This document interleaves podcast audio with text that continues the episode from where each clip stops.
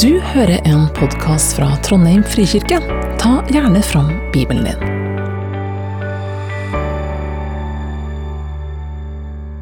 Jeg skal lese fra Johannes kapittel 3, vers 1-21. Det var en mann som het Nikodemus. Han var fariseer og en av jødenes rådsherrer. Han kom til Jesus om natten og sa, 'Rabbi, vi vet at du er en lærer som, kommer, som er kommet fra Gud.' For ingen kan gjøre de tegnene du gjør, uten at Gud er med han. Jesus svarte, 'Sannelig, sannelig, jeg sier deg, den som ikke blir født på ny, kan ikke se Guds rike.' Hvordan kan en som er gammel, bli født? sa Nikodemus. Kan noen komme inn i mors liv igjen og bli født for andre gang? Jesus svarte, Sannelig, sannelig, jeg sier deg, den som ikke blir født av vann og ånd, kan ikke komme inn i Guds rike. Det som er født av kjøtt, er kjøtt, men det som er født av ånden, er ånd. Undre deg ikke over at jeg sa til deg, dere må bli født på ny. Vinden blåser dit den vil, du hører den suser, men du vet ikke hvor den kommer fra, og hvor den farer hen. Slik er det med hver den som er født av Ånden. Hvordan kan dette skje? spurte Nikodemus. Jesus svarte, Du er en lærer for Israel og vet ikke det? Sannelig, sannelig, jeg sier deg. Vi taler om det vi vet, og vitner om det vi har sett, men dere tar ikke imot vårt vitneutsagn. Hvis dere ikke tror når jeg taler til dere om det jordiske, hvordan kan dere da tro når jeg taler om det himmelske?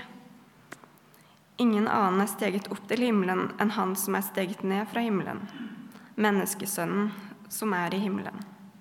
Og slik Moses løftet opp slangen i ørkenen, slik må menneskesønnen bli løftet opp, for at hver den som tror på han, skal ha evig liv. For så høyt har Gud elsket verden at han ga sin sønn, den enbårne, for at hver den som tror på han, ikke skal gå fortapt, men ha evig liv. Gud sendte ikke sin sønn til verden for å dømme verden, men for at verden skulle bli frelst ved han. Den som tror på han, blir ikke dømt.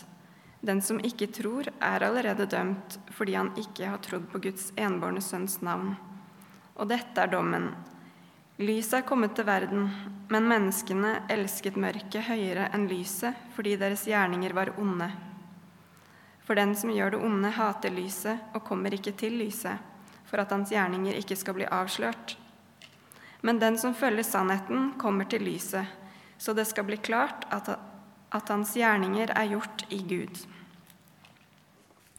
Mitt navn er Hans Christian Kvåle. Jeg har eh, hatt gleden av å kalle Trondheim frikirke mitt åndelige hjem så lenge jeg har bodd her i byen. Eh, hvis jeg skal ta litt i, så nærmer det seg fire år. Men det er egentlig bare tre og et halvt. Um, I det daglige så jobber jeg i en uh, stiftelse som heter Partners Norge. Vi er en organisasjon som driver nødhjelp og bistandsarbeid i uh, utviklingsarbeid i Midtøsten, Sørøst-Asia og, òg nå fra og med i forgårs i Ukraina. I tillegg så jobber jeg i laget med ansvaret for eh, våre nasjonale mentorgrupper for unge yrkesaktive. Og en årlig konferanse her i Trondheim som heter Studentforum. Um, Hanne Margrethe sa det litt innledningsvis at denne, dette halvåret her så ser vi sammen en serie som heter The Chosen. Som betyr både den utvalgte og de utvalgte, hvis dere ikke har eh, tenkt på det. Og Den episoden som denne talen orienterer seg rundt, der treffer vi Nikodemus, og vi treffer òg Matteus. Eller Levi, som han òg eh, omtaler som i Bibelen. Men vi, er en, eh, en, eh, vi baserer disse gudstjenestene på Bibelen og ikke på serien. sånn at hvis du ikke har sett serien, så går det òg helt fint. Du har nå fått teksten lest, som vi skal ta utgangspunkt for i dag. Og eh, det er Her er også et veldig viktig, eller et veldig fint punkt å si til dere som har fulgt dette heftet her, og som ikke helt catcher dette her med I det heftet her så står det òg sånne støttetekster som du kan lese, som gir deg en litt bredere forståelse av hva det er som skjer i episoden. Og Hvis du ikke helt, hvis du syns det er rart at vi plutselig begynner å snakke om eh, brenning av prestedøtre, og at eh, pastorer og sånt ikke skal klippe håret og rake skjegget, så er det fordi det er en skrivefeil her. Det er støtteteksten som skal være til denne episoden, er fra 4. Mosebok 21, ikke 3. Mosebok 21. Hvis noen av dere så sammenhengen, så må dere gjerne dele den etterpå. for øvrig. Eh, det, ja. um, og så et innfall jeg fikk denne her gudstjenesten om to uker. Da er stiller vi òg til sommertid, så det er verdt å merke seg at gudstjenesten begynner fortsatt klokka 11, men det vil være en times forskjell. Uh, nå har dere fått en heads up på det òg. Den talen her handler altså om Jesus sitt møte med Nikodemus. Og for en, eh, Jeg kjenner det, det her er en, en skatt, den teksten her. Da jeg hadde skrevet førsteutkastet til talen, så lå det på en time og ti minutter ca. Um, og så fikk jeg ei jente på to år som ble spysjuk og har spydd fire av sju dager denne uka. Og hadde toårsdag, og vi rykka inn i Ukraina i tillegg. Sånn at uh, jeg har ikke hatt tid til å korte noe særlig ned. Nei da. Vi er en raus eh, menighet, så jeg har destillert og jeg har destillert. Og jeg har destillert, og vi kommer til enda på et sted mellom 20 og 30 minutter, litt avhengig av hvor engasjert jeg blir. Um, men òg pga. alt det som har skjedd denne uka her. Vi er jo en menighet som består av ekte mennesker. Um, så kan jeg òg si det at um, jeg har ikke fått lagd en powerpoint, dessverre. men uh, vi skal holde oss veldig til teksten, og vi skal uh, gjøre litt god gammeldags bibelnerding, eller eksegese, som det heter. For det er en del ting her som, selv om teksten virker nokså rett fram for oss, det er en samtale mellom Jesus og Nikodemus. Det sies en del ting som vi skjønner, fordi vi vet jo hvordan alt sammen ender. Men som Nikodemus, som er en lærer av Israel og ikke forstår, som vi skal pirke litt borti. Og for å ordentlig forstå mye av eh, dette her, så må vi begynne med å si litt om Johannes som forfatter. Og For å forstå hans evangelium og hans forfatterstil så må vi begynne med slutten. For Evangeliet til Johannes det avsluttes med to viktige eh, writers marks. Han skriver i, helt til slutten av evangeliet sitt i kapittel 20 Jesus gjorde også mange andre tegn for øynene på disiplene, tegn som det ikke er skrevet om i denne boken. Men disse er skrevet ned for at dere skal tro at Jesus er Messias, Guds sønn, og for at dere ved troen skal ha liv i hans navn. Og helt avslutningsvis, I evangeliet sitt så skriver han om seg sjøl. Det er denne disippelen som vitner om alt dette, og som har skrevet det. Og vi vet at hans vitneutsagn er sant. Men også mye annet har Jesus gjort. Skulle det skrives ned, hver enkelt ting, tror jeg ikke hele verden ville romme alle de bøker som da måtte skrives. Johannes han hadde en eneste motivasjon med å skrive sitt evangelium. Og det var at jøder skulle komme til tro på at Jesus var Messias. Johannes han skriver ikke en historisk fremstilling om Jesus som person for å liksom bevare dette her til ettertida. Han skriver et vitnesbyrd, som han sier sjøl. Og det er en viktig forskjell her. Um, og Det er nokså vanlig å tenke det at Johannes sitt evangelium er skrevet veldig orientert sånn fra kristustroende jøder, vanlige mennesker, til vanlige jøder som ikke er helt overbevist om at Jesus er Messias, han som er profetert, og som de har venta på veldig lenge. Johannes ser ikke på seg selv som en historiker, men som en predikant. Han forteller ikke historien om Jesus fra Nasaret. Han ønsker å skape tro på at Jesus er Messias, Guds sønn. Og Så skriver Johannes inn i en tid hvor det var en veldig konflikt mellom jøder og kristne om Jesus var Messias eller ikke. Og det var ganske problematisk for vanlige folk når presteskapet sier nei, han er ikke Messias. Men så har du alle disse miraklene som Jesus gjør. Du har så mange ting som peker på at han er Messias. Men de som liksom skal kunne dette, her, sier tvert nei, han er ikke Messias. Og eh, det er den gjengen her da, som, står, som føler seg trukket litt mellom to, to, punkter, hvis vi skal si det sånn, som er Johannes sin målgruppe. Det er ganske vanlig i Johannes sitt evangelium når, han, når Jesus er i samtale med mennesker, at han bruker en del ord som har dobbel betydning, og mer enn det.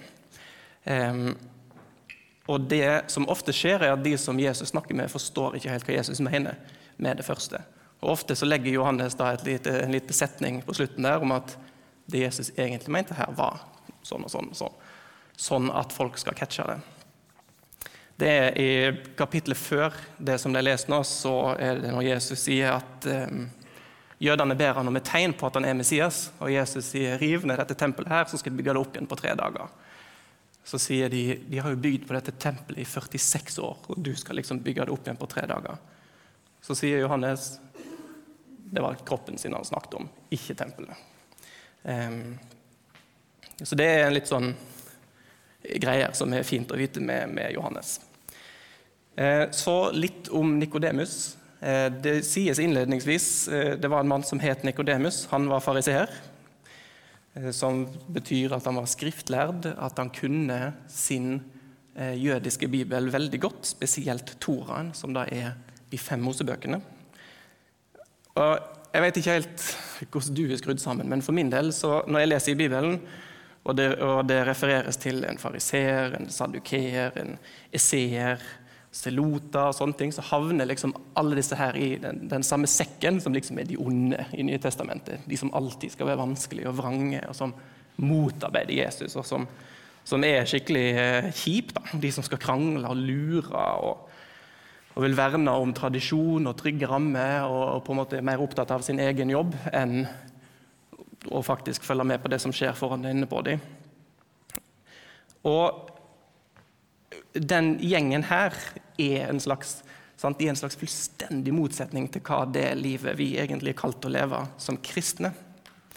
Og ofte når jeg møter folk som Og vi kom inn på det at jeg er kristen, så er det mange som har en sånn tanke om at de har catcha dette her. 'Å ja, du er kristen. Da har vel ikke du lov til å fylle inn et eller annet.' 'Å ja, du er kristen. Eh, da er det fint å ha papirene i orden. Da må du passe på så ikke du eh, driter deg ut.' sant? Og sånne ting. Og Dette her er første gang vi møter Nikodemus i Bibelen, og det står han er fariseer. Og når jeg leser det, så får han alle disse merkelappene klistra i trynet. Så alt han sier ifra det punkt, leser jeg med sånne briller om at han er en kjip fyr. Så når han stiller Jesus litt sånn dumme spørsmål vi, vi vet jo svaret, så vi skjønner jo at han stiller teite spørsmål. Så får jeg en sånn 'Å, for en tulling'-reaksjon, eh, da. Hvis du kjenner deg igjen i det, så styrker det min selvfølelse, for da er ikke det bare meg. Men poenget her er jo at dette er ganske feil. Eh, Fariseerne havner liksom litt i den sekken med alle disse kjipe folka. Men det er sagt på en veldig fin måte, et veldig unyansert bilde. For på Jesu tid så var det ca. 6000 fariseere i Israel, regner vi med. Og de var jøder som var utrolig hengivne til Gud. Dette var jøder som var veldig godt likt av folket, som oftest. Og de hadde vanlige jobber. Og de var fariseere da på, hvis vi kan kalle det på fritida. Det var i utgangspunktet ikke noe lønna verv å være fariseer, det var noe du holdt med på med utenom. Så kan det være her at Nikodemus er et unntak, siden det også står at han satt i jødenes råd. Men poenget er at fariseere var godt likt og fortjener ikke den plassen de har fått sammen med disse, disse andre kjipe, som f.eks. sadukeerne, som er en sånn eh, De var liksom eliten av presteskapet, og de, var, de oppførte seg ganske dumt. Så den, den er ok. Men, eh, men eh, det er også verdt å merke seg at Når Jesus kritiserer fariseerne i Bibelen, så gjør han det som oftest kun når han er i Jerusalem. Og Ofte så er den kritikken retta gjerne mot en spesiell gjeng med fariseere som har glemt litt hva de egentlig skal holde på med, og som har blitt kanskje litt påvirka av dette presteskapet som var der. For det fariseere var Det som var hele poenget med å være fariseer, det var det at du hadde et så inderlig sterkt ønske om å gjøre alt rett i forhold til Gud. Du hadde et inderlig ønske om at ditt forhold til Gud skulle være du skulle være på, på rettsida av alle moralske dilemmaer. Og De drøfta etikk og de drøfta moral, og de var opptatt av disse vanskelige spørsmålene. til det kjedsommelige. Men så hadde de et poeng med at de gjorde tungvinte religiøse praksiser tilgjengelig for vanlige folk. Og For å ta et litt, litt banalt eksempel da, for oss i dag, eh, så kan vi ta tiende. Skal du gi tiende av brutto eller netto? Hvis, du, hvis, hvis, vi skal sette oss inn i en tanke om at dette kan avgjøre om du kommer til himmelen eller ikke. Det var litt sånn For jødene så var det sånn. Hvis du bomma på den, så kunne det være en, eh, i ytterste konsekvens eh, det som gjorde at du ikke kom til himmelen. Og eh, Jeg vet ikke hvor mange av dere som betaler brutto bare sånn for sikkerhets skyld. Vi, eh, vi, er jo kristne, så vi trenger ikke å forholde oss til disse tingene på samme måten. Men som studenter for eksempel, skal du betale tiende av hele månedlige summen, eller bare av stipendet. Hvis du får en på skatten, skal du betale tiende av det beløpet. Hvis du får en gave i arv. altså Alle mulige sånne ting som er vanskelig. Eh, hva skal du gjøre da? For oss det virker fjernt, men for jødene så er dette her små marginer som kan avgjøre hvor du ender opp med å tilbringe evigheten. Og eh, Vi skal faktisk ikke veldig langt i vår tid heller før vi finner eksempler på dette. her. For en måneds tid siden så var det en katolsk prest i Phoenix i USA som i over 20 år har døpt tusenvis av mennesker. Og han har da sagt vi døper deg i Faderens og Sønnens og Den hellige ånds navn. Mens den korrekte dåpsliturgien i den katolske kirke er jeg døper deg i Faderens, Sønnens og Den hellige ånds navn. Og Resultatet av at han har sagt dette ene ordet feil, er at alle dåper han har gjennomført, hvor han har sagt dette, har blitt underkjent. Og I den katolske kirke, hvis dåpen er underkjent, så er jo konfirmasjonen underkjent. Og Dette gikk helt Vatikanet sjøl måtte bekrefte at nei, det, alt må gjøres på nytt. For det er eh, ganske viktig dette her, at det blir gjort rett. Så han endte opp med å måtte gå av, eller han valgte å gå av, og bruke nå tida si som frivillig på å ivareta de som er døpt feil. Og er, I den katolske kirke så var det faktisk ikke før i 2007 at et utvalg satt ned fra Vatikanet kom fram til det at babyer som dør før de er døpt, kanskje kommer til himmelen allikevel for oss ganske fjernt at disse tingene skal ha noe å si. Men for en del så er dette alt det handler om. Derav har vi en god gjeng med fariseere som ordner opp i dette, her, som tar disse beslutningene eller hjelper oss med disse dilemmaene. Da. Fordi de har et genuint ønske om å hjelpe. De vil at folk skal komme til himmelen. De vil at folk skal gjøre rett. Og det, Vi kan på en måte snakke om tiende av brutto eller netto, men det er noe annet når du skal gi tiende av slaktevekta på en okse, f.eks. Hvor mye av oksen skal du gi tiende av? Eh, og sånne ting, som var det de forholdt seg til. da. Så når Jesus og Nikodemus møtes i serien, så opplever jo Nikodemus som en ganske varm type. Og det er et mye mer rett bilde av sånn han er. Og I dette her eh, møtet med Jesus i Bibelen også, så opplever vi han som genuin i sin søken etter svar. Han sier det innledningsvis. Ingen kan gjøre de under du gjør, uten at Gud er med han. Så han òg har denne tanken om at det er veldig masse her som taler Jesus sin sak. Men samtidig så er det noen ting som ikke stemmer med de bildene jødene hadde av Messias. Messias skulle jo komme fra, ikke fra Nasaret, som Jesus gjør, han skulle jo være født i Betlehem. Eh, og være av kong Davids ett.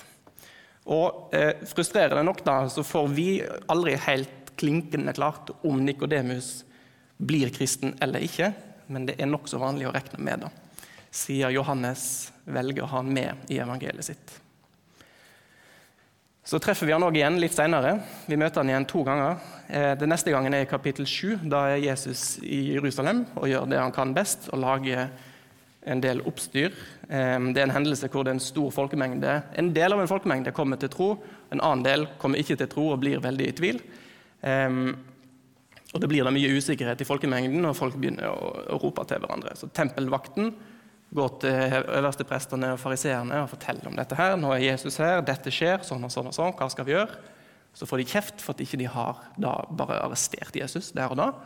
Um, og Da plutselig hører vi stemmer, eller vi leser da, vi hører stemmer til Nikodemus, som sikkert litt tørt sier loven vår dømmer vel ikke folk uten forhør, før vi får vite hva de har gjort. Så blir det kjapt bare avfeid. Jeg vet ikke hvor mange av dere som fulgte med på eh, for så vidt på Nytt på Nytt, men òg rettssaken til Leila Bertheussen. Eh, da den sto på, så var Herman Flesvig på Nytt på Nytt. Eh, og han sa det veldig fint. Jeg skjønner ikke egentlig hvorfor vi holder på med denne rettssaken, for alle er jo enige om at hun er skyldig, uansett hva retten kommer til å dømme. Og det var litt sånn med eh, det forholdet mellom Jesus og øversteprestene òg. Så møter vi Nikodemus med grava til Jesus. Det står i slutten av evangeliet også Nikodemus var der han som kom til Jesus første gang om natten. Han hadde med seg en blanding av myrra og aloe, omkring 100 pund, som er ca. 30 kg i dagens eh, metriske målestokk. Og Her kan vi òg legge merke til ordet 'første gang', som er oversatt til norsk 'han som kom til Jesus første gang om natten'. Det greske ordet her er, sier òg, som på norsk, 'første gang', det ligger en undertone her av første gang av mange. Um, bare så vi er, det er verdt å ta med seg. At det var ikke han som kom til Jesus den gangen det var kveld, men han som kom til Jesus første gang om natten. Så det er en, en sannsynlighet her for at Nikodemus og Jesus har møttes flere ganger. Så er det to Hva er greia med om natten? Hvorfor, hvorfor, tar vi med dette her? Det er to hovedsyn på hvorfor Nikodemus kom på natta.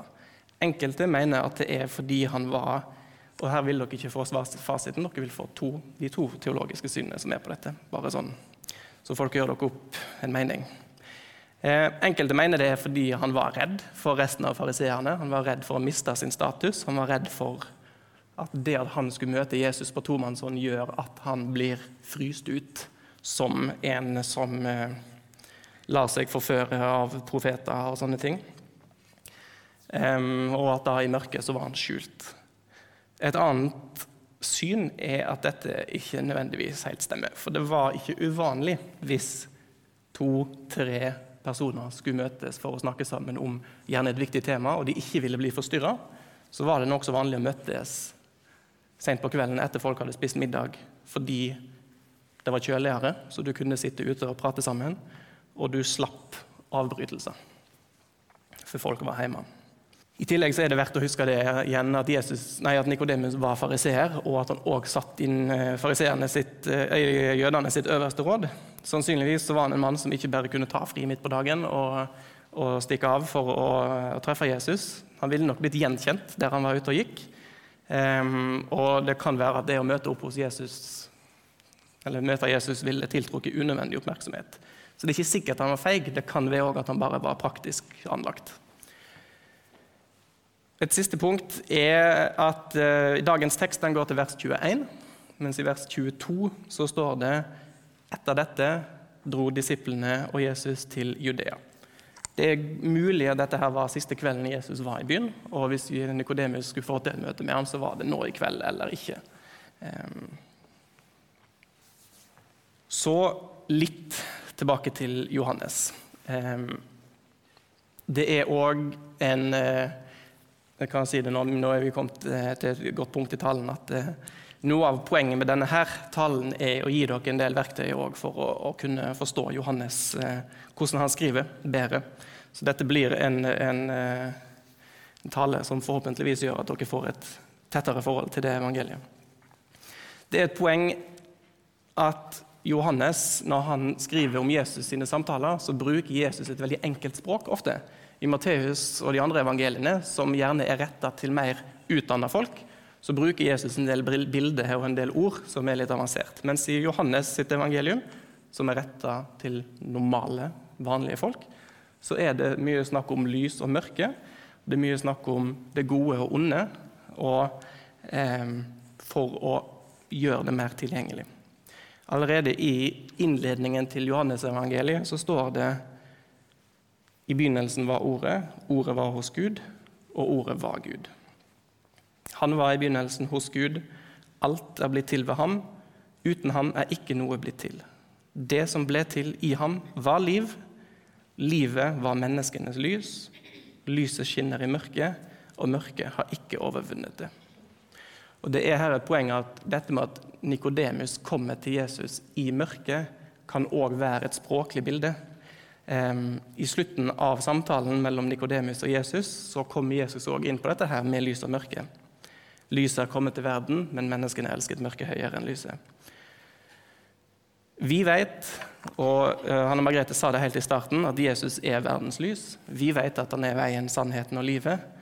Og Det kan hende at Nikodemus holder på å innse dette her, og at han kommer til Jesus om natten, altså i mørket, uvitende. Og i mørket så møter han Jesus, som er verdens lys. Hvis du eh, er her og noterer, så gi meg et lite nikk, så skal jeg passe på at du rekker å få med deg eh, det som sies nå. Hvis ikke, så tar vi det i vanlig tempo. Ingen nikker. Det er jo, er jo ikke så dumt. Da kan det være vi slutter på ca. 2025. Um, for nå skal vi ta noen av disse ordene som Jesus bruker, som har dobbel betydning.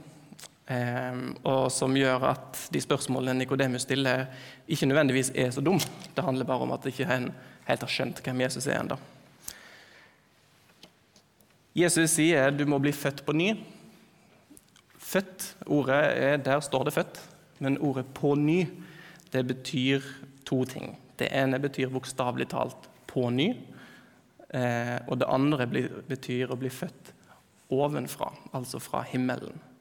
Hvis man leser litt videre i kapittel 3, så treffer vi døperen Johannes, som sier at om Jesus, da, den som kommer ovenfra, står over alle. Og Der er det det samme greske ordet. Han som er av jorden, taler jordisk. Han som kommer fra himmelen, står over alle. Så eh, det er et poeng å få med seg.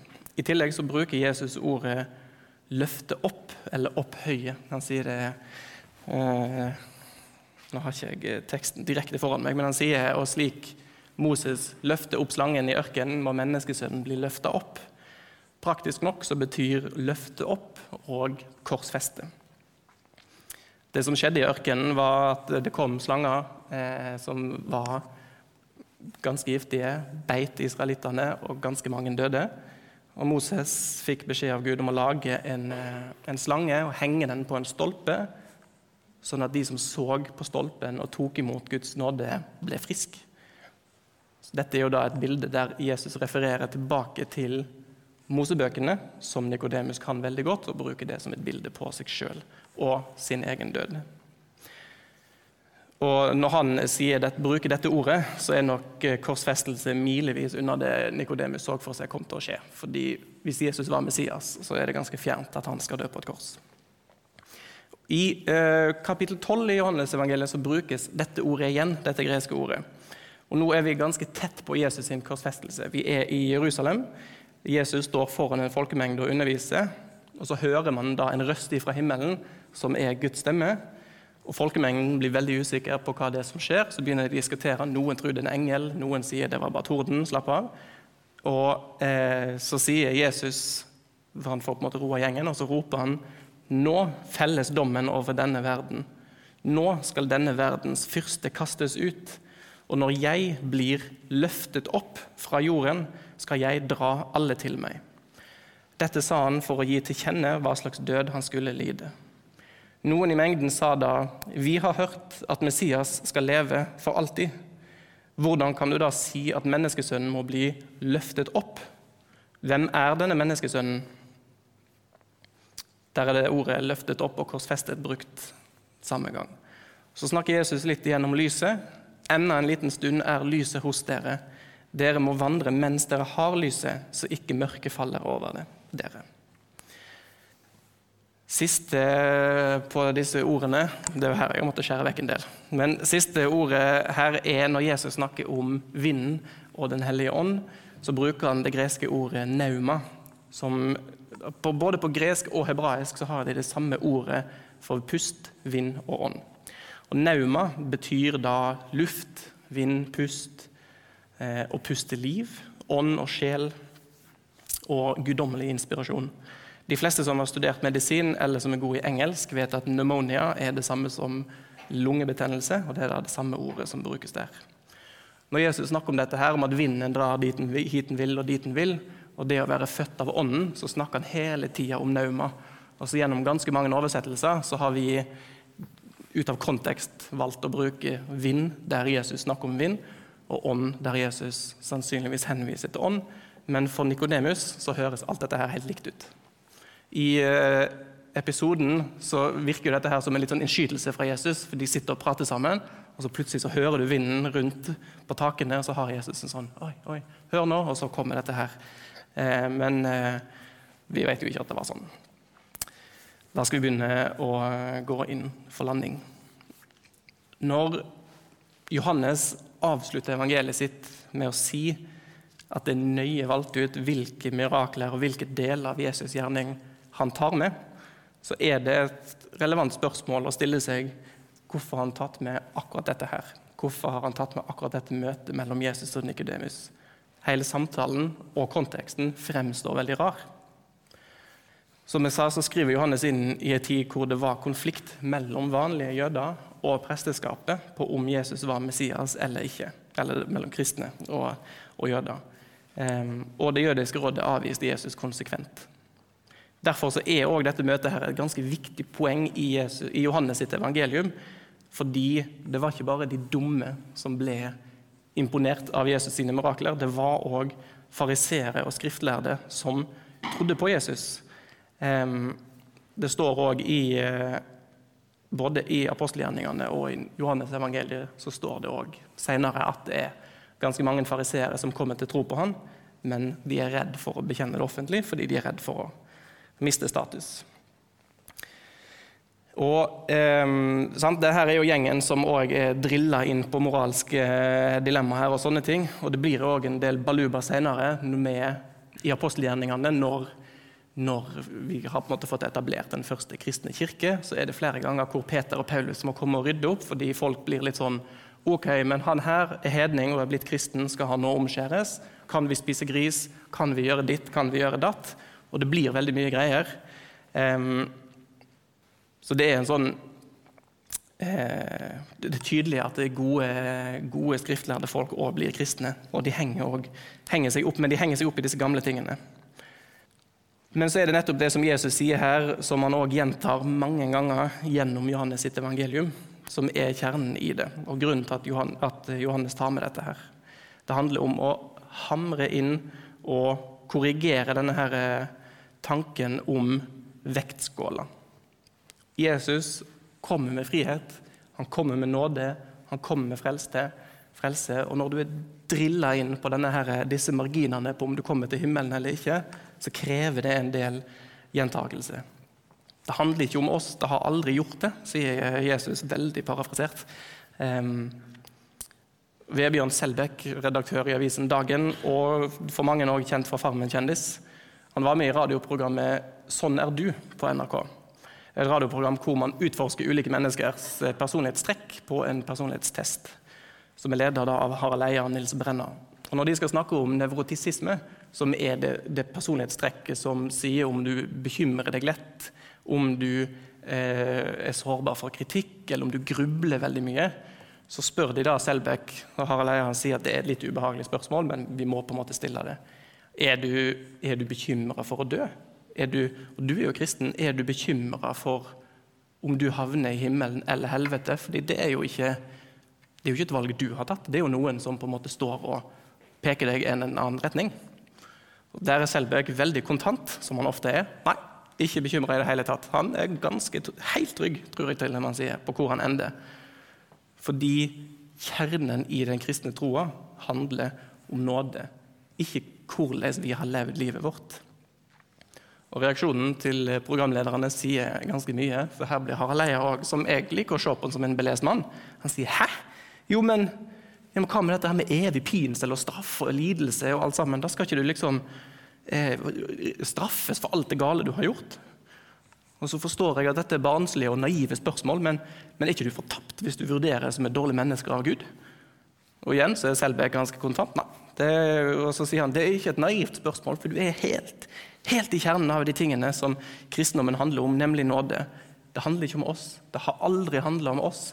Det handler om Jesus, Kristus og det som skjedde på korset da han tok på seg vår skyld. Så sier Selbekk videre vi er alle dårlige mennesker og kommer til kort. Vi er ikke i stand til å entre Guds rike, men om vi tar imot Jesus sin nåde, hans soning for våre synder, så kvalifiserer vi. Det eneste vi trenger å gjøre, er å tro og å ta imot denne invitasjonen som er gitt oss. Eller sagt som en ganske klok mann sa For så høyt har Gud elska verden, at han ga sin sønn den enbårne, for at hver den som tror på han, ikke skal gå fortapt, men ha evig liv. Gud sendte ikke sin sønn til verden for å dømme verden, men for at verden skulle bli frelst ved ham. Den som tror på han, blir ikke dømt. Kan vi be. Takk, Jesus, for eh, nåden. Takk for at du er god, og for at det handler om deg og ikke om oss. Takk for at du inviterer oss inn i ditt rike, inn i Guds rike, selv om det ikke er noe som vi fortjener, som vi aldri har fortjent og ikke kan gjøre oss fortjent til. Hjelpe oss å strebe etter å oppnå perfekte liv når vi vet at vi er uperfekte og har ikke sjans. Amen. Takk for at du hørte på. Velkommen til gudstjeneste søndager klokka 11. Mer informasjon finner du på trondheim.frikirke.no.